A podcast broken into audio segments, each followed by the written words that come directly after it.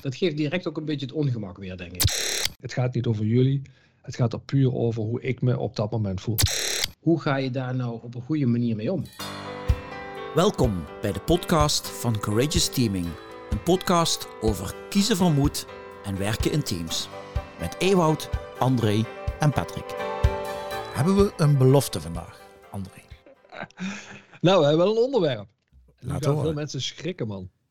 We gaan het gewoon hebben over de dood. In relatie tot als een teamgenoot met iets belangrijks zit, iets persoonlijks. Hoe ga je daar als team mee om?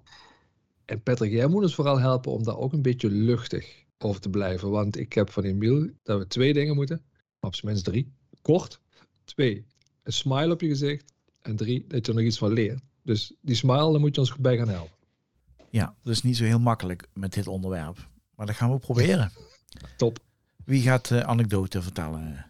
Misschien moet jij beginnen, Ewout. Ja, ik, weet het niet. Het is, het, het is goed. Ik zal beginnen. Dat geeft direct ook een beetje het ongemak weer, denk ik. Vaak hebben we deze podcast natuurlijk ook over onze samenwerking. En eh, deze week, vooral maar de afgelopen week, heeft André iets meegemaakt. Of zit eigenlijk nog midden in iets. Het heeft met zijn vader te maken. Eh, maar het heeft dan ook te maken met, goh, als je met iemand samenwerkt, in dit geval ik. Hoe ga je daar nou op een goede manier mee om? En dat puzzelde mij wel. Maar ik dacht, misschien is het goed, André, dat jij eerst een beetje context geeft aan iedereen. Ja, dan ga ik natuurlijk ook een aantal mensen aan het schrikken maken. Want eh, ik, ik weet, hè, veel vrienden luisteren ook. Eh, maar eigenlijk de afgelopen weken eh, ging, gaat het niet goed met mijn vader. En dat is ja, ook wel levensbedreigend. Ehm, dus daar, daar, zijn we eigenlijk al weken mee bezig. En ziekenhuis in, ziekenhuis uit, et cetera. En voordat we een podcast maken, dan kijken we altijd even terug over de afgelopen week van wat heeft er gespeeld en wat zou een onderwerp kunnen zijn. En toen ik dat voor mezelf deed, dacht ik, ik, ik mis gewoon een week in, in mijn geheugen, min of meer. En eh, dat was eigenlijk een, realisatie van, eh, als je met zoiets bezig bent, hè, een dierbare die, eh, die heel erg ziek is, dan eh, kost dat eigenlijk heel veel energie. Ik voel nog een soort vermoeidheid in mijn lijf. En, en dat daar dus natuurlijk heel, veel, heel logisch heel veel aandacht naartoe gaat. Maar dat is een voorbeeld van, en dat ik trouwens ook nog blij ben dat ik kan werken, want dat is eigenlijk een heerlijke afleiding. Maar ja, dat, dat speelt er dus constant op de achtergrond, terwijl Ewout en ik onze dingetjes doen en onze projecten doen, zou ik maar zeggen. En waarbij ik zelf natuurlijk door een rollercoaster ga van eh, hoop, wanhoop, hele, hele slechte dagen en soms weer eh, iets, iets mooiere dagen. Nou vind ik het altijd moeilijk om daarmee om te gaan, persoonlijk. Hoe zit het bij jou, Ewout? Nou, dat was misschien wel. Ik denk dat dat ook de aanleiding van het moment voor deze podcast was. Deze week, ik geloof dat het ergens dinsdag was, zei André van ja, het gaat nu echt slecht met mijn vader en we weten eigenlijk niet welke kant het op gaat. En dan moet je toch op een of andere manier met elkaar dat onderwerp over de dood bespreekbaar gaan maken. Maar ook tegelijkertijd je vooruitkijken naar, goh, stel dat het gebeurt, ja, hoe, hoe gaan we dat samen dan opvangen? En, eh, eh, en dan komen ook de praktische vragen weer kijken. En ik merkte dat ik dat een, een lastig spanningsveld vond. En toen moest ik terugdenken aan, ik weet niet of, of, of je kent, eh, er heeft recent was een van die uitvaartmaatschappijen, die had zo'n radioreclame, ik geloof dat het een uitvaartmaatschappij was, of Sieren, en het, had de titel De dood praat er niet overheen. En toen hoorde ik vaak van dat soort fragmentjes en eigenlijk merkte ik dat dat ook wel een bepaalde druk gaf. Van ja, als dat niet is hoe je met de dood met een collega om moet gaan, hè, van oh wat ergs, kunnen we nu naar de orde van de dag gaan. Ja, hoe dan wel, als zo'n onderwerp voorbij kwam. Uh, dus toen, toen wij dat dinsdag over hadden, toen zat ik, en misschien kennen mensen wel, ik merkte aan mezelf dat dat punt van aan de ene kant wil je er heel erg voor iemand zijn en wil je weten hoe het met iemand gaat. En tegelijkertijd zijn er gewoon praktische zaken die op de agenda staan en waar je het over wil hebben, zodat dat ook wel gecoverd is, mocht er iets gebeuren. En dat voelde dus in zo'n gesprek als zo'n rare overgang. En daar, daar worstel ik wel mee. Van ja, hoe ben ik nou aan de ene kant een goede partner die, die meegaat en die oog heeft voor zijn emoties. En tegelijkertijd ook iemand die ervoor zorgt waar dat kan dat we de dingen goed opvangen. Dus toen wij het hadden over voorbereiding op deze podcast, zei ik ook eerlijk tegen anderen: Ik ben eigenlijk wel benieuwd hoe, hoe jij dat ervaren hebt. En of ik een beetje deed, zeg maar, wat je hielp. Of dat je denkt van ja, weet je, is, soms bracht het misschien juist wel meer naar de ellende toe dan ik zelf zou willen. Maar ja, daar moet jij eens wat over zeggen, Alme. Ja, weet je, tegelijkertijd uh, uh, moeten we met elkaar blijven presteren. Daar worden we voor betaald en daar wordt van ons verwacht. Ik heb zelf gemerkt, weet je, ik moest heel erg denken aan de metafoor met je kinderen. Als je een serieus gesprek te voeren hebt met je kinderen, als ze wat kleiner zijn, die kinderen geven vanzelf al aan tot hoe ver je kunt gaan En wanneer het genoeg is. Ik zal nooit vergeten, weet je. Ja, is misschien een rare metafoor, maar als je seksuele voorlichting geeft aan je kinderen als die nog klein zijn, nou, dan vertel je ze wat. En dan denk je zo, nu ga ik hoofdstuk 3 en 4 vertellen. En dan ben je zeggen, zo, nu ga ik op de schommel. Die geven vanzelf wel aan van uh, hoe ver ze op dat moment uh, de aandacht erbij kunnen houden en relevant is. En ze komen wel een andere keer terug uh, als ze weer voor het volgende hoofdstuk geïnteresseerd zijn. En dan moest ik hier ook aan denken. Dus daar kan ik zelf veel in doen. En dat dat natuurlijk gaat. En soms is het wat ik zei, is het ook heerlijk om gewoon over inhoudelijke projecten te praten. Uh, en ik vond het ook heel prettig trouwens soms om met, met klanten uh, erover te hebben. Want ik merk wel, uh, zeg maar, de talking stick werkt voor mij wel. Dus het praten met anderen bedoel ik dan. met een aantal klanten. Dan merk ik mijn eigen emotie in mijn stem. En ik, goh, dus, dit, helpt mij wel om het te verwerken.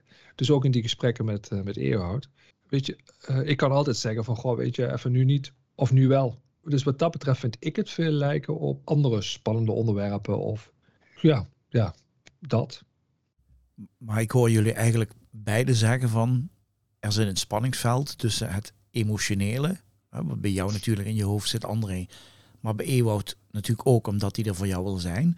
En aan de andere kant staat natuurlijk het, ja, het praktische, want er staan wat dingen op de planning en uh, ik, ik, herken het wel, hè, met, uh, als er iets privé is dat je denkt van ja, volgende week zou het even niet uitkomen. Het is natuurlijk, dat zijn dingen die zijn niet te plannen, maar er zit dus altijd een spanningsveld. En, die zit aan beide kanten. Ja. Ik merkte in dit geval aan mijzelf hè, dat je aan de ene kant uh, niet zeg maar, helemaal wilt laten meedrijven in dat emotionele, wat, wat tegelijkertijd wil je er ook zijn. Hè. Ik vind die omslag, dat vond ik altijd, vind ik in de gesprekken die we deze week gehad hebben, altijd een lastig moment. Hè. Wanneer is het moment daar om, om te zeggen van, uh, nou, weet je, en, en kunnen we nu vooruitkijken? En, daar ben ik echt benieuwd naar, André. Weet je, als ik, ik, weet niet of jij daar, want het is best een moeilijk onderwerp waarover kunt zeggen. Ik heb daar voor mezelf gekozen. Eigenlijk, jij geeft dat moment wel aan. Dus in die gesprekken merkte ik vaak op een bepaald moment dat jij degene was die aangaf, ja, zullen we even kijken, we hebben ook nog wat praktische dingen te doen. En dat vond ik heel, heel prettig. Ik dacht, oké, nu is het moment daar eh, om het ja. erover te hebben. Ja, ja over. Ik denk ook dat het voor, voor jou, voor de ander, lastiger is dan voor degene die het betreft omdat ik weet natuurlijk uh, hoe ik me voel en wat er in mijn hoofd omgaat. En ik weet ook wanneer ik toe ben aan de switch van uh, zo, nu heb ik er genoeg over verteld. En ik wil nu even lekker de uh, naar, de, naar, de, projecten toe. Terwijl ja, de ander, in dit geval Eeuwert, die moet het maar even ruiken en, en proberen te duiden. Dus dat is wat ik me realiseer. Nou ja, weet je, dat gezegd hebbende, kan ik dat natuurlijk ook heel expliciet maken. Dat ik zeg op een gegeven moment tegen Eeuwert van, zo, nu heb ik er even genoeg over gepraat kunnen we even de stap maken naar uh, volgende week en, uh, en eens even een paar dingen afstemmen van hoe we het gaan regelen. Nu gaat deze podcast over jullie samenwerking. Leren jullie van deze situatie nog iets over elkaar? Oh, goede vraag zeg. Ik denk dat, dat, dat je daar eerst even naar EO toe moet.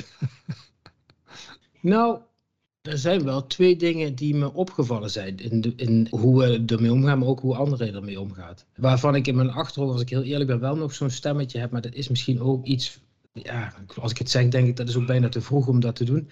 In hoeverre is dat een soort beschermingsmechanisme en in hoeverre is het, is het echt al? Maar er zijn twee dingen die me opvallen. Dat is dat André, uh, als wij die gesprekken hebben, dan lijkt het vaak alsof hij dat heel beschouwend al van een afstandje kan bekijken van wat er gebeurt en waarom het ook logisch is en ook uh, waarom je er ook dankbaar voor kunt zijn voor alle mooie jaren die je met elkaar gehad hebt. Terwijl er zit natuurlijk ook veel emotie bij. En het tweede wat ik hem steeds zie doen, waar ik wel verbaasd door ben in de positieve zin van het woord en tegelijkertijd ook wel bewust van, goh, in hoeverre is dat nou wel of niet een afweermechanisme is, dat hij in alles eigenlijk toch het positieve probeert te zien.